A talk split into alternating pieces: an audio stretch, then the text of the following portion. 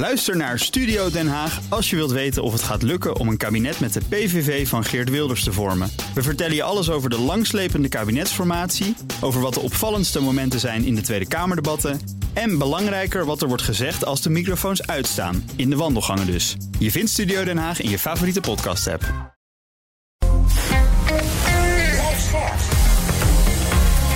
BNR Nieuwsradio. The Big Five. Diana Matroos. Diversiteit en inclusie. We nemen de woorden intussen makkelijk in de mond. We weten misschien ook wel dat het ergens moet, maar willen we het ook echt? En als we het al wel willen, weten we dan hoe dit aan te pakken. Over de weerstand, de economische win en het menselijk perspectief in de zin van rolmodellen en gelijke kansen, praat ik deze week met vier kopstukken in BNR's Big Five van het inclusief leiderschap. Vandaag is dat Joyce Sylvester. Ze is voorzitter van de Staatscommissie tegen discriminatie en racisme en schrijver van het boek Bent u de burgemeester? Want als burgemeester van Annapolona en Naarden kreeg ze soms rare reacties vanwege haar zwarte huidskleur. Daarnaast was ze jarenlang Eerste Kamerlid voor de Partij van de Arbeid en plaatsvervanger, plaatsvervanger van de Nationale Ombudsman. En vervult ze voor tal van bedrijven een commissarisrol. Joyce, welkom. Ontzettend fijn uh, dat je er bent. En volgens mij mag ik je feliciteren sinds gisteravond met een mooie nieuwe functie. Ja, dat, uh, dat mag je, uh, Diana. We hebben afgesproken dat we elkaar tutoyeren. En ik ben geweldig blij en ook trots dat ik met ingang van uh, oktober uh, dijkgraaf word van, de, van het waterschap Amstel, Gooi en Vecht. Dan heb je het dus over Noord-Holland, een stukje Zuid-Holland, Utrecht. En dat gaat over 1,3 miljoen mensen indrukwekkende functie die er even weer uh, bij komt. En je bent ook uh, uh, sinds kort ben je columnist voor het AD. Daar was je weer de eerste vrouwelijke columnist van kleur. Een zwarte huidskleur dan, want je bent van Surinaamse afkomst. Net als ik overigens. is dit dan ook weer de eerste als zwarte vrouw?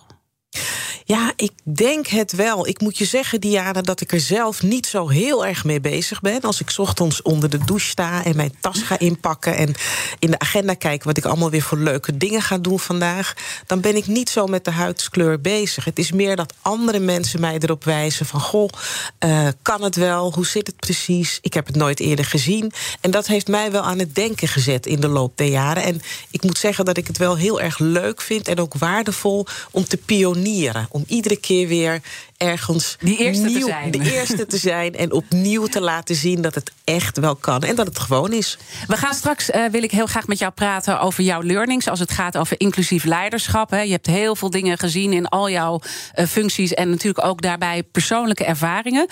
Uh, maar voordat ik over de verbeterpunten kom te spreken, wil ik eerst twee dingen van je weten. Allereerst, wanneer realiseerde jij je nou voor het eerst dat diversiteit en inclusie in het bedrijfsleven, in de politiek niet vanzelfsprekend was?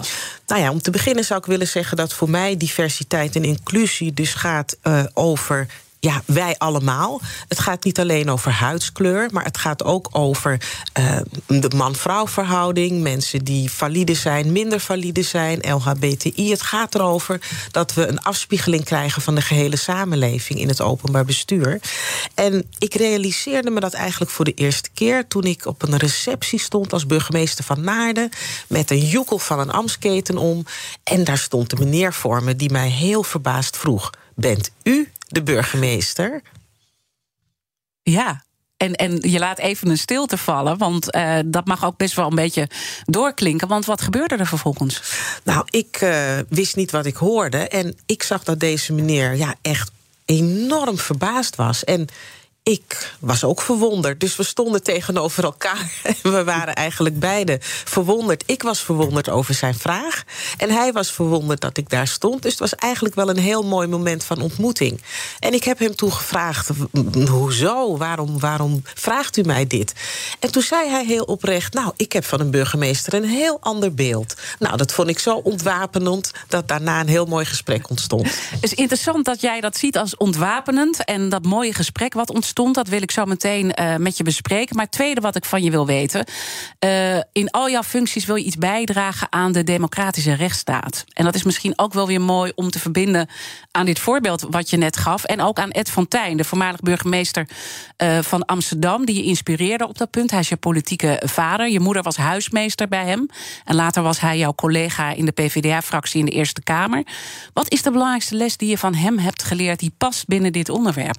Ja, wat ik van hem heb geleerd is dat uh, op het moment dat je het gevoel hebt dat je onrecht ziet dan moet je daar ook zelf iets aan willen doen. Ik heb van hem heel erg geleerd dat de democratische rechtsstaat waarin we wonen niet vanzelfsprekend is. Daar moet je iedere dag aan werken en daar moet iedereen iedere dag ook een bijdrage aan leveren. Het is heel bijzonder namelijk dat we hier in ons land in vrijheid kunnen leven, met elkaar activiteiten kunnen ontplooien, kunnen ondernemen, kunnen leren iedere dag.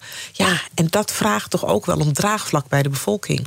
En dat is ook denk ik een, een belangrijk vertrekpunt in jouw boek. Hè? Dat je uh, wil dat we tot kansengelijkheid komen. Want dat is, nou ja, staat weer in relatie tot dat draagvlak, wat uh, zo ontzettend uh, belangrijk is.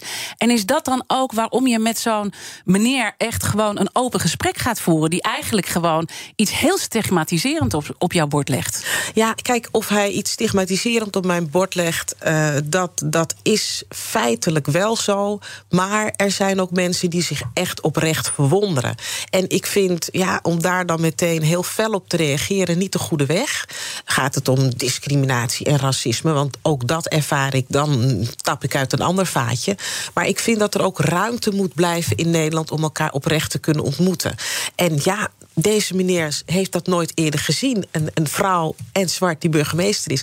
Dus hij heeft dat oprecht gevraagd. En ja, door die vraag te stellen heb ik mij gerealiseerd dat hetgeen wat ik normaal vind, namelijk gewoon mijn werk doen, uh, boegbeeld zijn van de gemeente, de vergaderingen voorzitten, uh, een portefeuille openbare orde en veiligheid uh, bestieren, dat dat voor hem toch even wennen was. Ja. En Later heb ik nog een brief gekregen van zijn dochter. Deze meneer is op een gegeven ogenblik overleden.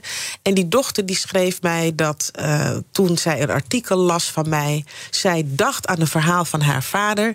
Die had gezegd, het heeft mij zeer veel deugd gedaan... om in Naarden geconfronteerd te worden met mijn eigen vooroordelen. Dat dus, was toch leuk? Ja, en, en, en, dus eigenlijk zeg je van... blijf toch hoe moeilijk uh, in gesprek. Ook al word je echt geraakt op een punt waar je, waar je niet geraakt uh, uh, wil worden. Omdat uh, we moeten ook moeten kunnen leren rond dit punt van diversiteit en inclusie. Nou, dat en, denk, en ongelukken maken. Nou ja, en we, we, zijn allemaal mensen. Ik heb ook beelden. Hè. Ik, ik weet nog dat ik uh, was op het station Utrecht uh, voor de coronatijd. En ik stond daar bij uh, de, de trap. Daar zat iemand in een rolstoel. En ik holde daar naartoe en ik zei: Kan ik u helpen? Ja. En diegene zei: Waarom vraagt u mij dat? Ik zeg van ja, die rolstoel, u moet naar beneden. Nou, zei diegene: Dat doe ik eigenlijk mijn hele leven al, mevrouw. Dat gaat goed komen. Ja. dus we hebben dus allemaal, allemaal, beelden. En ja. en ja, misschien moet je daar ook wat minder boos over zijn. Maar als het racisme is of discriminatie, dat willen we niet. Want je maakte daarin meerdere dingen mee. Ik wil uh, twee voorbeelden aanhalen. Uh, als uh, burgemeester van Annapolona, nou ja, werd je aangesproken dat het toch niet de bedoeling was dat jij Zwarte Piet zou binnenhalen als zwarte burgemeester. Hè? Dus dat, dat is één voorbeeld. En ik pak even jouw boek erbij, die ik met heel veel plezier heb gelezen. Echt een prachtig boek, wat heel veel mooie inzichten geeft over de reis uh, die je hebt gemaakt. Je schrijft dan uh, op pagina 76 over een ontmoeting met de VVD-senator uh, barones Schimmelpenning van der Ooyen. En zij verstoorde mijn gemoed. Stralend zei ze, terwijl we elkaar buiten de plenaire, plenaire zaal even spraken. Wat leuk om u te ontmoeten. Mijn over, overgrootvader had slaven in Suriname. En daarom komt Suriname ook voor in het boek dat wordt geschreven over onze familie. En dan voelde je irritatie. Wat gebeurde daar? Ja, ik dacht uh, bij mezelf: realiseer je je wel wat je zegt? Um, ja, wat haar familie voorspoed heeft gebracht, is voor mijn familie natuurlijk een hele pijnlijke periode geweest in de geschiedenis. Totaal geen zelfontplooiing, geen ontwikkeling. De week daarop ben ik naar haar toegegaan en ik heb gevraagd: wat bedoelde je nou eigenlijk precies en waarom heb je dat gezegd? En tot mijn verbazing was zij heel verbaasd dat ik het haar vroeg. Want zij zei: Ja, dat heb ik helemaal niet zo bedoeld. Ik heb dat zo gewoon als feitelijk iets uh, gezegd.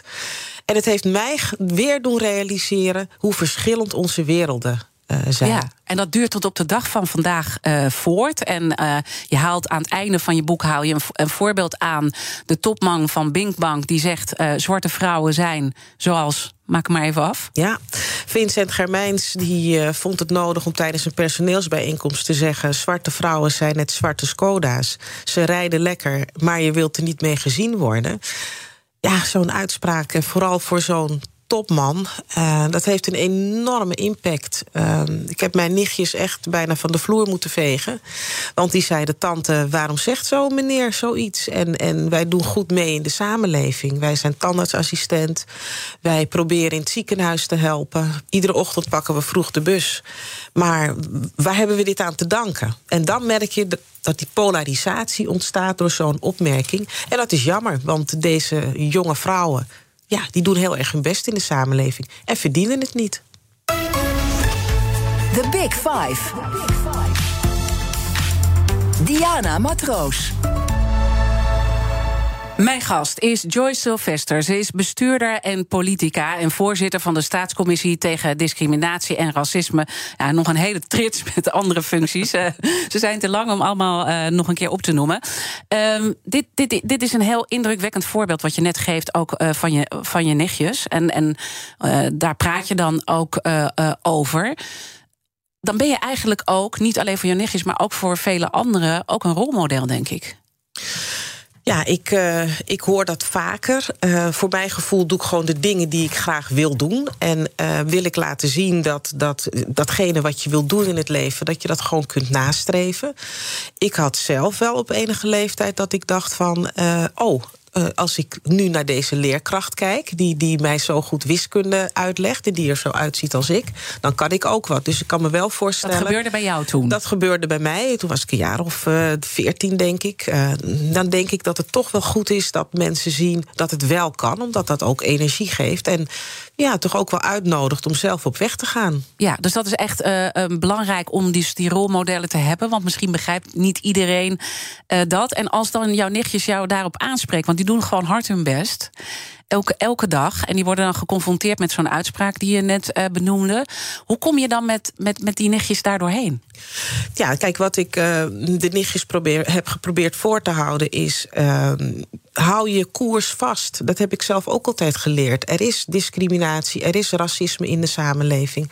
Maar wat er ook gebeurt, laat je niet uit het veld slaan. Je mag heel eventjes in bed kruipen en de deken over je hoofd trekken.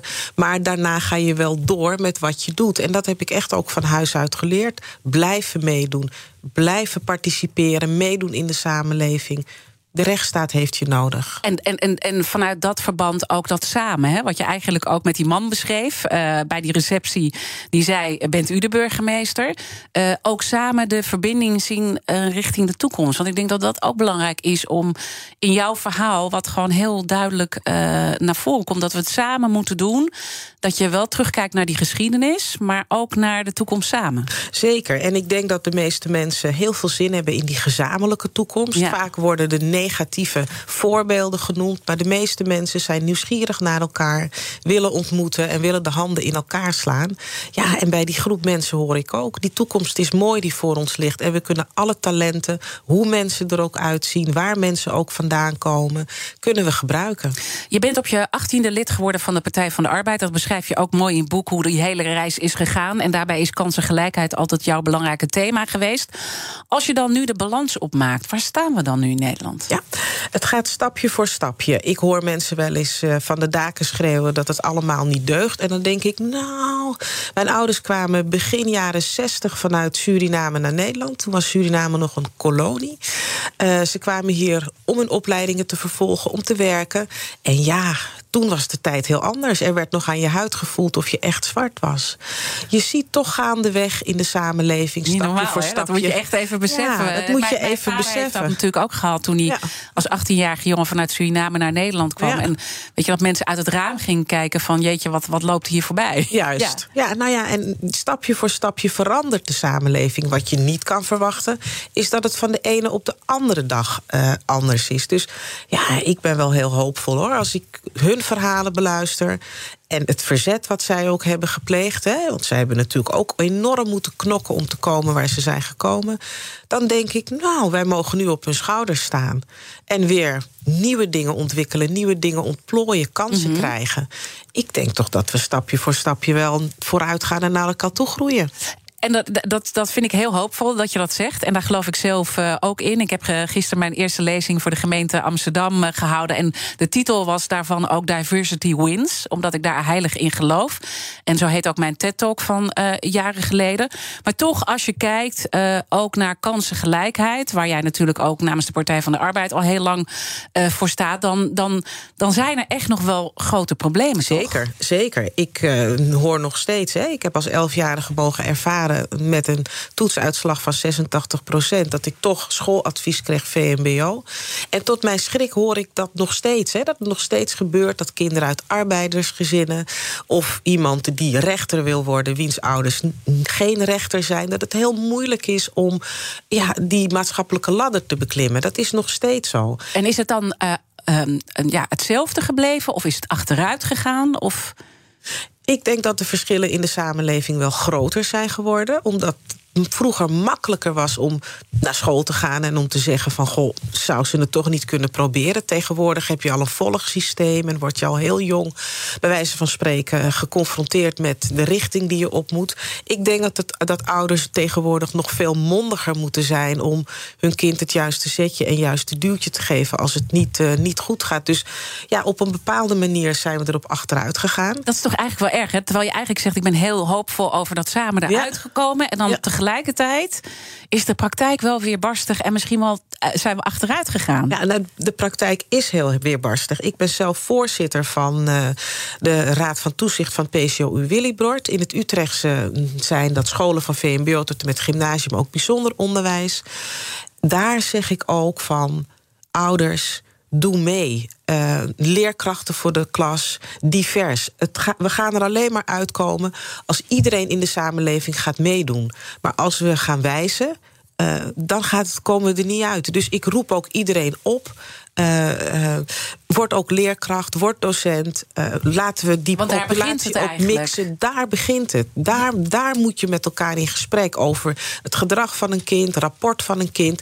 En als dat heel eenzijdig is samengesteld, zo'n populatie docenten op school, ja, dan, dan, dan, dan kom je op dit punt Mhm. niet verder. Dus het vraagt ook om meedoen van iedereen. En dat is eigenlijk mijn grote pleidooi. Wil je in de samenleving iets bereiken, moet je ondernemen en ook meedoen. En eh, daar hoort dan denk ik ook bij wat voor type les je ook eh, geeft aan eh, de leerlingen op de lagere school. Je, ik weet dat jij burgerschap enorm belangrijk vindt, dat je daar ook Ja. leert al om mee te doen. Moet dat ook veel meer in het lespakket terechtkomen? Nou, er is sinds vorig jaar ook een wet hè, dat burgerschapslessen verplicht zijn. Ja. En ik vind dat een goede zaak. Ik was onlangs op een, eh, een MBO-school. Nou, ik kwam daar binnen, Diana, je schrikt je wild. Want eh, ja, ze dachten, wat moet ik nou eh, van deze mevrouw horen? Zo'n les over democratie. Dus telefoontjes in de hand, benen op tafel. Nou, na tien minuutjes had ik ze heel erg gefocust. En zijn we in gesprek geraakt. Waarom het belangrijk is om wel naar de stembus te gaan. Waarom het belangrijk is om op het stembureau te zitten. Et cetera, et cetera. Dus op het moment dat je het niet bij jongeren brengt... dan weten ze het ook niet. Dus ja, meer burgerschapslessen op school. Nou ben je natuurlijk ook eh, eh, voorzitter van die nieuwe staatscommissie, hè, racisme en discriminatie. Wanneer was ongeveer de bekendmaking? Was nog niet zo lang geleden. Is nog mij. niet zo lang geleden en we zijn nu bezig om de commissie te formeren. Want ja, een staatscommissie kan ik natuurlijk niet alleen vormen. Daar komen ook andere leden bij. Daar moet een secretaris komen, er moet een secretariaat komen. We zijn nu bezig in een afrondende fase. En dan gaan we aan de slag. Want ja, het is toch nodig dat ook de overheid zich een spiegel gaat voorhouden. We horen het allemaal: discriminatie bij de politie, discriminatie bij de Belastingdienst. Dus topje van de ijsberg. We gaan onze tanden erin zetten. En nou begon ik deze week eh, met eh, Farid Azarkan, de fractievoorzitter van Denk. En die eh, niet zozeer gerelateerd aan, aan, aan deze portefeuille, maar hij zei gewoon in zijn algemeenheid: ja, we kunnen wel elke keer wel meer, meer onderzoek doen, maar we weten toch ook wel hoe het zit. Weet je, hij is niet tegen onderzoek, maar hij, maar hij vraagt zich wel af. Waarom is het dan toch nog zo belangrijk om, om dat te doen? Nou, dat klonk ook een beetje een frustratie bij hem door, vond ja, ik. Nou ja, kijk, de tijden veranderen. Ehm, discriminatie van tien jaar geleden is niet discriminatie van nu. Dus je zult onderzoek moeten blijven doen om de actuele situatie te kunnen benoemen. Overigens zie je ook beweging komen, wat ik net aangaf. Hè. iedereen heeft de uitzending gezien van de Blauwe Familie, de politie. Dan zie je toch dat, dat, dat Lisbeth Huizer, die diversiteit in haar portefeuille heeft bij de politie, in beweging komt. We hebben het excuus gezien van de Belastingdienst daar moet je nu verder op anticiperen om dat balletje verder de goede kant op te laten rollen. Dus ja, onderzoek is nodig om ook weer dat setje te geven. We gaan zo meteen uh, daarover verder praten. Mijn gast is uh, Joyce uh, Sylvester. En dan gaan we niet alleen daarover praten. Hè. ja, wat denkt zij dat er naar boven komt? Je bent natuurlijk ook de plaatsvervanger van de Nationale Ombudsman geweest. Dus je weet al heel goed wat er leeft. en daarnaast wil ik ook weten welke stappen het bedrijfsleven nu rond diversiteit kan zetten. Want ze is natuurlijk ook commissaris bij tal van organisaties. Blijf luisteren. Bij BNR ben je altijd als eerste op de hoogte van het laatste nieuws. Luister dagelijks live via internet. Bas van Werven. En heel langzaam komt de zon op rond dit tijdstip. Je krijgt inzicht in de dag die komt op BNR, het Binnenhof in Nederland en de rest van de wereld. De Ochtendspits. Voor de beste start van je werkdag. Blijf scherp en mis niets. Blijf scherp. BNR Nieuwsradio. The Big Five. Diana Matroos. Welkom bij tweede halfuur. Deze week praat ik met vier kopstukken uit de wereld van het inclusief leiderschap. Eerder deze week sprak ik met Farid Azarkan, fractievoorzitter van Denk, over inclusiviteit bij de overheid. Maar ook zijn persoonlijke strijd. Luister het gesprek zeker terug via onze BNR-app. Mijn gast vandaag is Joyce Sylvester. Zij is voorzitter van de Staatscommissie tegen discriminatie en racisme. En schrijver van het boek Bent u de burgemeester? Omdat ze eerder eerder de eerste zwarte vrouwelijke burgemeester was van Annapolona en van Naarden. En dat leverde nog wel eens uh, gekke reacties op aan de andere kant. Gaat zeker lezen, want het is een heel uh, boeiend uh, verhaal. daarnaast is zij heel lang senator geweest voor de Partij van de Arbeid, dus in de Eerste Kamer. En ook plaatsvervanger van de Nationale Ombudsman. En sinds gisteravond bekend dat zij ook dijkgraaf wordt van een vrij groot gebied, beginnend bij Noord-Holland.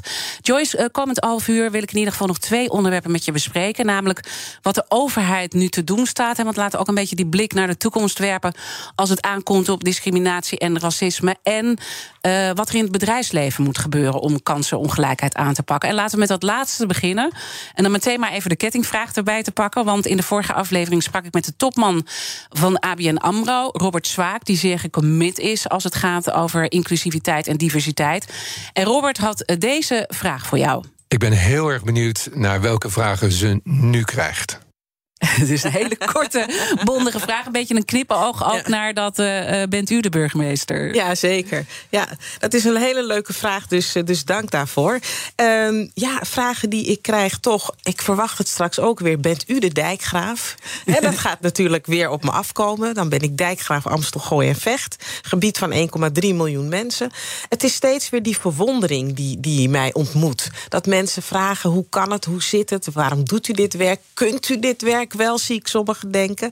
Dus ja, dat is eigenlijk toch wel waar ik steeds mee geconfronteerd word. Ik ben er zelf niet zo mee bezig, dat zie zoals ik eruit mhm. Maar voor anderen schijnt het toch wel ook vrij confronterend te zijn. En dat is mooi, want dat betekent beweging. En dat betekent dat mensen beelden moeten bijstellen. Net zoals dat ik af en toe mijn beelden moet bijstellen. En, en dat gaf je heel mooi aan, ook in het eerste half uur uh, van ons gesprek. Als we het even relateren aan die nieuwe functie uh, van jou als voorzitter van die staatscommissie.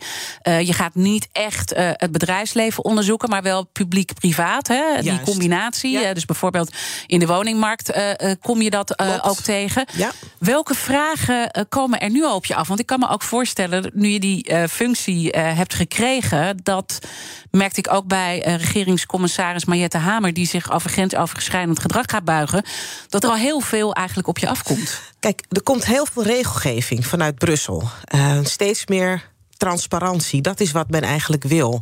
Hoe dragen bedrijven bij aan duurzaamheid? Hoe dragen bedrijven bij aan maatschappelijke opgaven? Je ziet nu het vrouwenquotum, hè? Dat, dat, komt er, dat komt er nu aan.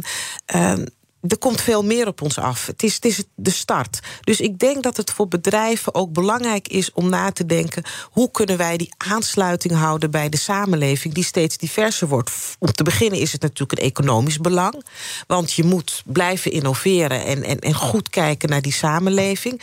En het is ook belangrijk om het, ja, goed te kijken naar welke mensen staan er aan de top van het bedrijfsleven. We noemden net even het voorbeeld van Vincent Germijns, de topman van Binkbank, die de grap maakte: zwarte vrouwen zijn net zwarte Skoda's. Ze rijden lekker, maar je wilt er niet mee gezien worden.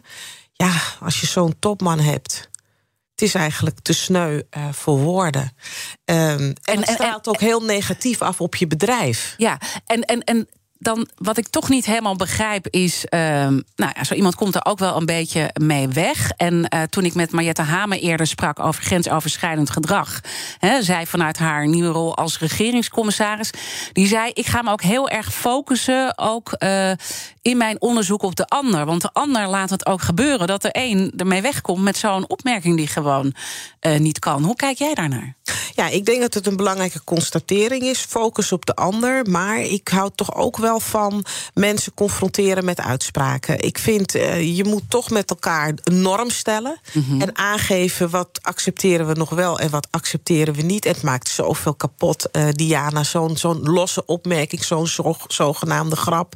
Dus het is ook goed om in het bedrijfsleven te kijken welke mensen stel je aan aan de top. Ik vind ook dat bijvoorbeeld, in dit geval gaat het om een topman bij een bank. Wat doet de Nederlandse bank? He, kan dat zomaar allemaal? Het begint ook bij het besef. Ja, dus eigenlijk vind je wel dat, uh, dat, dat de baas van de Nederlandse bank hier had, had hier iets over moeten zeggen, misschien. Nou, dat denk ik wel. Het begint natuurlijk bij de Raad van Commissarissen. Ik weet natuurlijk niet wat er intern gebeurd is, maar ik mag toch verwachten. Ik ben zelf lid van de commissie uh, REMCO, Remuneratiecommissie.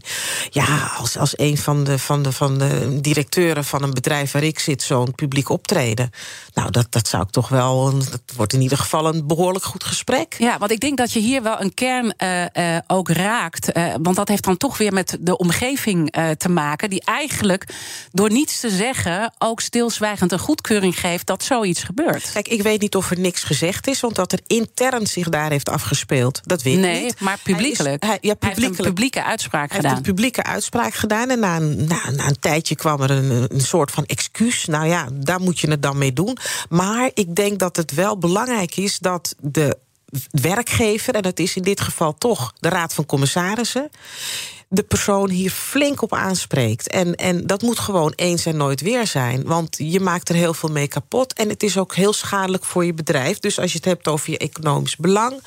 Uh, je krijgt toch een bepaalde ja, geur, sfeer om je bedrijf. Dat wil je niet. Laat het bedrijfsleven beginnen te beseffen dat, dat er gewoon ook beelden zijn. Mm-hmm. Uh, vervolgens denk ik dat het. Onbewuste vooroordelen, dat is eigenlijk wat je bedoelt met die beelden. Ja, ja en zorg ook voor een veilige cultuur in je organisatie bekende voorbeeld, het borrelen na het werk. Ik ben zelf gek op bitterballen. Geef me een hele schaal en een ik glas ook, wijn erbij. ik ook. En ze zijn allemaal weg. Moeten ze wel van een bepaald merk zijn. Mogen we niet op de radio zeggen. Nee, nee, nee. Maar sommige mensen borrelen niet, eten die bitterballen niet. Maar wil niet zeggen dat ze niet in het team passen. Dus kijk ook naar je onbewuste vooroordelen. Creëer een veilige cultuur.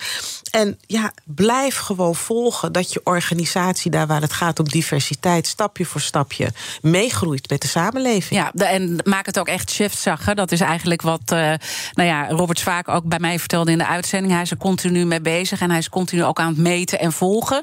Dat vertelde ook eerder uh, de CEO van PostNL, Herner Verhagen. Ja. Die heeft hier bij mij in een podcast gezeten uh, bij BNR All Inclusive. En die vertelde ook, wij zijn ook als bedrijf naar onze waarden gaan kijken die we hebben. En welke dan misschien de traditioneel Nederlandse waarden zijn. En hoe zich die verhouden tot. Uh, ook Nederlanders, maar wel met een andere culturele achtergrond. En dat is ook wat ik jou hoor zeggen. En, en weeg, weeg het bewust af. Weeg het bewust af en geef ook vooral zelf het goede voorbeeld in een topfunctie. Want het is niet zo fnuikend als dat je zegt dat het belangrijk is, dat het moet gebeuren. En dat je zelf dat voorbeeld niet geeft. Dus ja, zorg ook dat je als topman, topvrouw, boegbeeld bent uh, van het feit dat je die diversiteit belangrijk is. En dat kan je op een heel eenvoudige manier doen in je uitingen. Uh, om te zeggen wat je belangrijk vindt. En het is voor andere mensen zo onwijs inspirerend. Ja, het werkt uiteindelijk twee kanten op om er samen uit te komen. Hè? Want daar, want daar sta jij voor. Nou noemde je ook die economische win. En misschien dat toch nu bepaalde luisteraars denken. We hebben heel veel nou ja, mensen vanuit het management, ondernemers die naar ons luisteren. Die denken, ja, hoezo economische win? Ja, ik denk zelf dat een team veel sterker wordt als je verschillende beelden uh, vanuit de samenleving uh, ja, aan boord hebt. Uh, het maakt het werk beter. Je, je, krijgt kritischere reacties. Je ziet ook al dat, dat het hangt een beetje ervan af waar je werkt in het bedrijfsleven. Ik heb zelf een tijd bij een groot adviesbureau gewerkt. en het was zo belangrijk toen die markt. Twijnstra Gudde, was ja, dat geloof zeker. ik? Ja, ja, ja, klopt. En het was zo belangrijk om omdat zeg maar ook die, die, die, het klantenbestand veranderde. Om die aansluiting ook te vinden. Het was gewoon een concrete business. Ja. En, en, en, en ook, ik bedoel, we hebben het allemaal over personeelstekort. Het is ook, uh, je wil natuurlijk het beste talent uit de markt uh, trekken. En uh, er, lopen gewoon hele goede professionals rond met die andere culturele achtergrond. Dus ik denk, ja, dit is het moment met het personeelstekort om misschien ook anders te zoeken. Uh, je zoekt misschien, uh, dat vertelde eigenlijk de zeven vinkjes uh, man met wie ik eerder deze week sprak, die daar een boek over heeft geschreven. Journalist Joris Luijendijk. En hij zegt, men is ook geneigd zichzelf aan te nemen. Kijk, wat heel leuk is in deze tijd. Ik zag dat een tijd geleden terug op, op de televisie. Dat er wordt gezegd van ja, kijk, we zoeken mensen. We gaan naar een bureau en dan zetten we een opdracht uit. Maar daar was juist iemand op tv die zei: Wij vragen aan de jongere mensen in ons bedrijf. Trek uh, een goede vriend of een vriendin aan die je kent en die talentvol is en die het werk snapt. En, en als je het op die manier doet, dus ook neerleggen bij een jongere generatie, die gaat dan heel anders met het vraagstuk om. En ik denk dat dat de weg is om, uh, zeg maar, via de, de, de, de wat jongere mensen mm -hmm. in de samenleving uh, je personeelsbestand te vernieuwen. Uh, en die komen gewoon met vrienden die er ook heel anders uitzien dan ja. de, de, mensen die nu in het bedrijf Laat je rondlopen. verrassen, waardoor je Laat ook je meerdere verrassen. inzichten. En uh, Ja. overigens uh, blijkt ook uit divers onderzoek, bijvoorbeeld uh, McKinsey onderzoekt dit al jaren. Er is onlangs een heel groot Google-onderzoek uitgekomen dat eigenlijk inclusiviteit is eigenlijk de belangrijkste basis voor high-performing teams en dus voor betere resultaten. Hè. Dus het is ook echt, nou ja, feitelijk becijferd ook door, door de belangrijke organisaties. En toch vraag je je af, want er is ook wel een soort besef in het, in het bedrijfsleven. En ik heb ook op tal van congressen gestaan waarin gesproken wordt over dat besef. Maar iedereen vindt het toch moeilijk. Uh, hoe je dat dan uh, uh, verandert. En daar zie je ook gelijkenissen met gender, waar we natuurlijk ook hebben geworsteld. Nou, je refereerde net al aan die vernieuwde principeakkoorden die er nu liggen in Brussel over dat vrouwenquotum. Moeten we niet uiteindelijk ook gaan opschuiven richting een quotum? Cultureel. Terwijl ik weet dat je in eerste instantie niet echt een voorstander was van quota. Nee, nee, nee ik ben niet zo'n voorstander van quota. Ik denk dat uh, het opleggen, dat dat ook wel eens voor een heel verkeerd effect kan zorgen. Ik denk zelf dat uh, als het niet anders kan, moet je naar zo'n middel grijpen. Mm -hmm. Maar kijk nou eens naar die jongere generatie. Als ik kijk naar mijn zoon, die is 19. Als je naar die klas kijkt, die kinderen zijn daar helemaal niet meer mee bezig. Dus misschien is het ook wel een generatieding. Ja, maar is het ook een regio-ding? Want dat merk ik bij mijn uh, kinderen ook. Hè. Die zijn ongeveer dezelfde leeftijd. Maar dan denk ik wel, ja, we zitten wel hier uh, uh, in Amsterdam. En nou ja, jij zit niet in Amsterdam, maar wel in uh, Noord-Holland. Ja. Is ja. het hier niet gewoon ook anders? Ja, maar de beelden op televisie zijn ook wel behoorlijk verdwenen hoor. Je hebt ook tegenwoordig ook een Barbie die, uh, die niet blond is. Dus het, het begint al heel jong dat kinderen beginnen te zien dat, het, dat er ook andere mensen zijn. En dat, dat is de goede weg, denk ik. Ook Bas van Werven vind je in de BNR-app. Ja, je kunt live naar mij en Iwan luisteren tijdens de ochtendspits. Je krijgt een melding van Breaking News. En niet alleen onze podcast Ochtendnieuws, maar alle BNR-podcasts vind je in de app. Download nu de gratis BNR-app en blijf scherp. BNR Nieuwsradio. The Big Five. Diana Matroos. Je luistert naar BNR's Big Five van het inclusief leiderschap. Eerder deze week sprak ik met Joris Luindijk, journalist en schrijver van de Zeven Vinkjes, over mannen zoals hij, die bepalen welke eigenschappen en vaardigheden er nodig zijn om de top van het bedrijfsleven te bereiken en ook van die overheid. Het gesprek is terug te luisteren via bnr.nl. Mijn gast vandaag is Joyce Sylvester, voorzitter van de Staatscommissie tegen Discriminatie en Racisme, schrijver van het boek van Bent u de burgemeester, aankomend dijkgraaf en uh, ook uh, commissaris uh, bij TO van organisaties. Laten we dit slotstuk gebruiken wat de overheid nou nog. Hè, want uiteindelijk ben je ook politica. Je bent heel lang bestuurder geweest. Wat moet de overheid nou aan belangrijke stappen uh, uh, gaan maken? Want je noemde al even de politie, uh, waar de dingen ja. natuurlijk niet goed gaan. de toeslagenaffaire. Je bent ook vervanger van die nationale ombudsman geweest. Dus heeft dat heel goed daar meegekregen. Kijk, wat ik belangrijk vind is waar de overheid voor moet zorgen, is dat de wet en regelgeving op orde is. We leven in een democratische rechtsstaat. Dus daar waar discriminatie plaatsvindt, moet je terug kunnen vallen op een goede wetgeving. Want dan kan je er ook tegen optreden. Dat is de basis. Dat is het kader waarbinnen we met elkaar leven. Vervolgens denk ik dat het belangrijk is dat overheid gaat kijken naar de cultuur in haar organisaties. We hebben gekeken naar de blauwe familie, wat er gebeurt binnen de politie. Niet normaal. Ja. Niet normaal. Ja, niet, misschien heeft niet iedereen het gezien, maar uiteindelijk waren het uh, agenten die met discriminatie en racisme te maken kregen, maakten daar melding van, werd niet serieus genomen. Sterker nog, ze werden eigenlijk van slachtoffer dader en werden weggepest, uh, ontslagen, noem maar op. Juist. En ik denk dat het belangrijk is dat er in dat soort organisaties een cultuurverandering op gang komt. Uh, we hebben het gehad over de Belastingdienst, je hebt het gehad over de toeslagenaffaire, algoritmes, um, discriminatie. Het kan toch niet waar zijn? Nee. Dus die cultuurverandering ook elkaar durven aanspreken op de werkvloer. Hé, hey, waar ben jij mee bezig? Uh, niet wegkijken, maar aanspreken. Ik denk dat dat heel erg belangrijk is om een stapje te zetten mm -hmm. uh, in de richting van organisaties die ook de inclusiviteit omarmen en die ook omarmen dat onze samenleving, hoe je het went of keert, diverser ja. aan het worden is. En, en toch zie je alleen... dat ze daar dus enorme moeite mee hebben. Wij waren allebei bij het afscheid van Kim Putters. Hè, als uh, vertrekkend directeur van het Sociaal Cultureel Planbureau heeft hij een prachtig uh, essay geschreven dat het uh, de overheid niet gelukt is om kansenongelijkheid te verkleinen. Dat, dat, dat zei jij eerder ook al. En dat blijkt dus ook, ook uit al die voorbeelden hoe ver dat uiteindelijk gaat.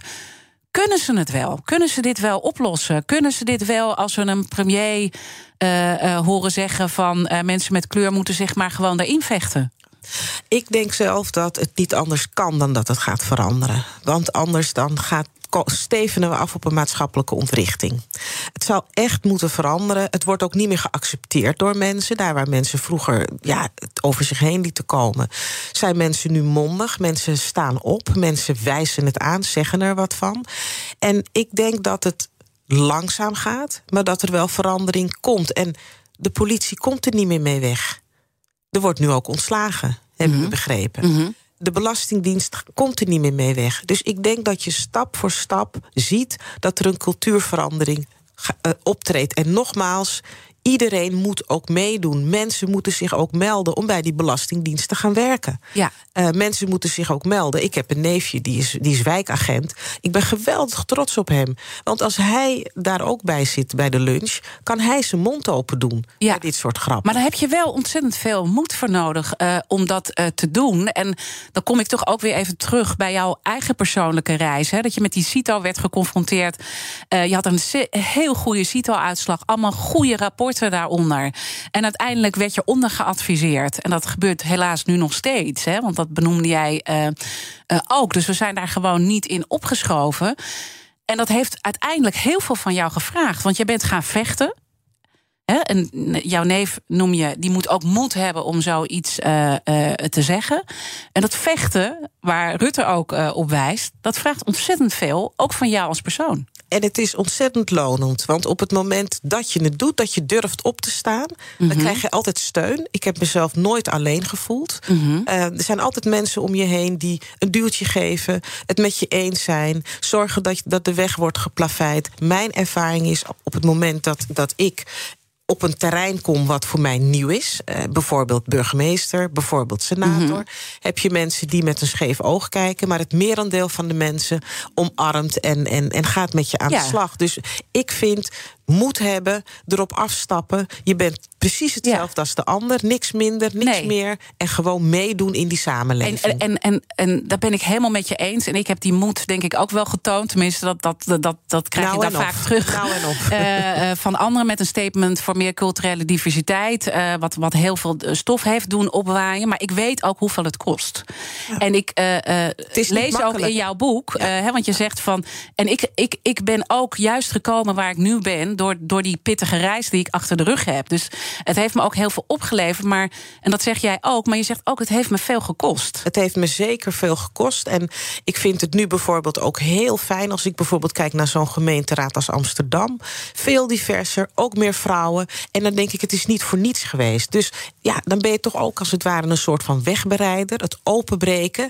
En daarna kunnen anderen geïnspireerd raken die ook die stap gaan zetten. En zo moeten we verder gaan. Ja. Steeds meer en steeds diverser. En overigens, Diana, vind ik het ook belangrijk om te benadrukken dat diversiteit voor mij brede diversiteit. Ja. Het gaat niet alleen Zei om kleur. begin ook, ja. Ja, maar het gaat ook om arbeiderskinderen die een stap willen zetten. Het gaat ook om mensen vanuit de regio die ook serieus genomen willen worden. Kijk nu wat er gebeurt met de stikstofproblematiek. De boeren, ook Ja. naar de boeren moeten we luisteren in Nederland. Dus Vanwege die rechtsstaat, hè? Want die, die is in rechtsstaat. Eigenlijk als we dat niet doen. Als je dat draagvlak niet meer hebt. als je dat draagvlak niet meer hebt. En dat betekent dat iedereen zijn stem moet kunnen laten horen. Maar ook dat iedereen moet meedoen. Want het zijn niet alleen maar rechten, het zijn ook plichten. Ja, en, en dat betekent ook dat mensen ook aan de top ook willen meedraaien... en ook een bepaalde invloed daar terug willen. Zeker, absoluut. Eh, de kettingvraag eh, gaat eh, door. en dat is een nieuw thema volgende week. Mijn collega Paul van Liemt die heeft dan de Big Five met het thema hoge rente. Super belangrijk dat we het daar ook over hebben. Thijs Knaap, hoofdeconoom van pensioenbelegger APG, is zijn eerste gast. Wat zou je hem willen vragen? Ja, je zou kunnen stellen dat de koopkracht voor gepensioneerden gaat afnemen. Want inflatie is natuurlijk een grote vijand.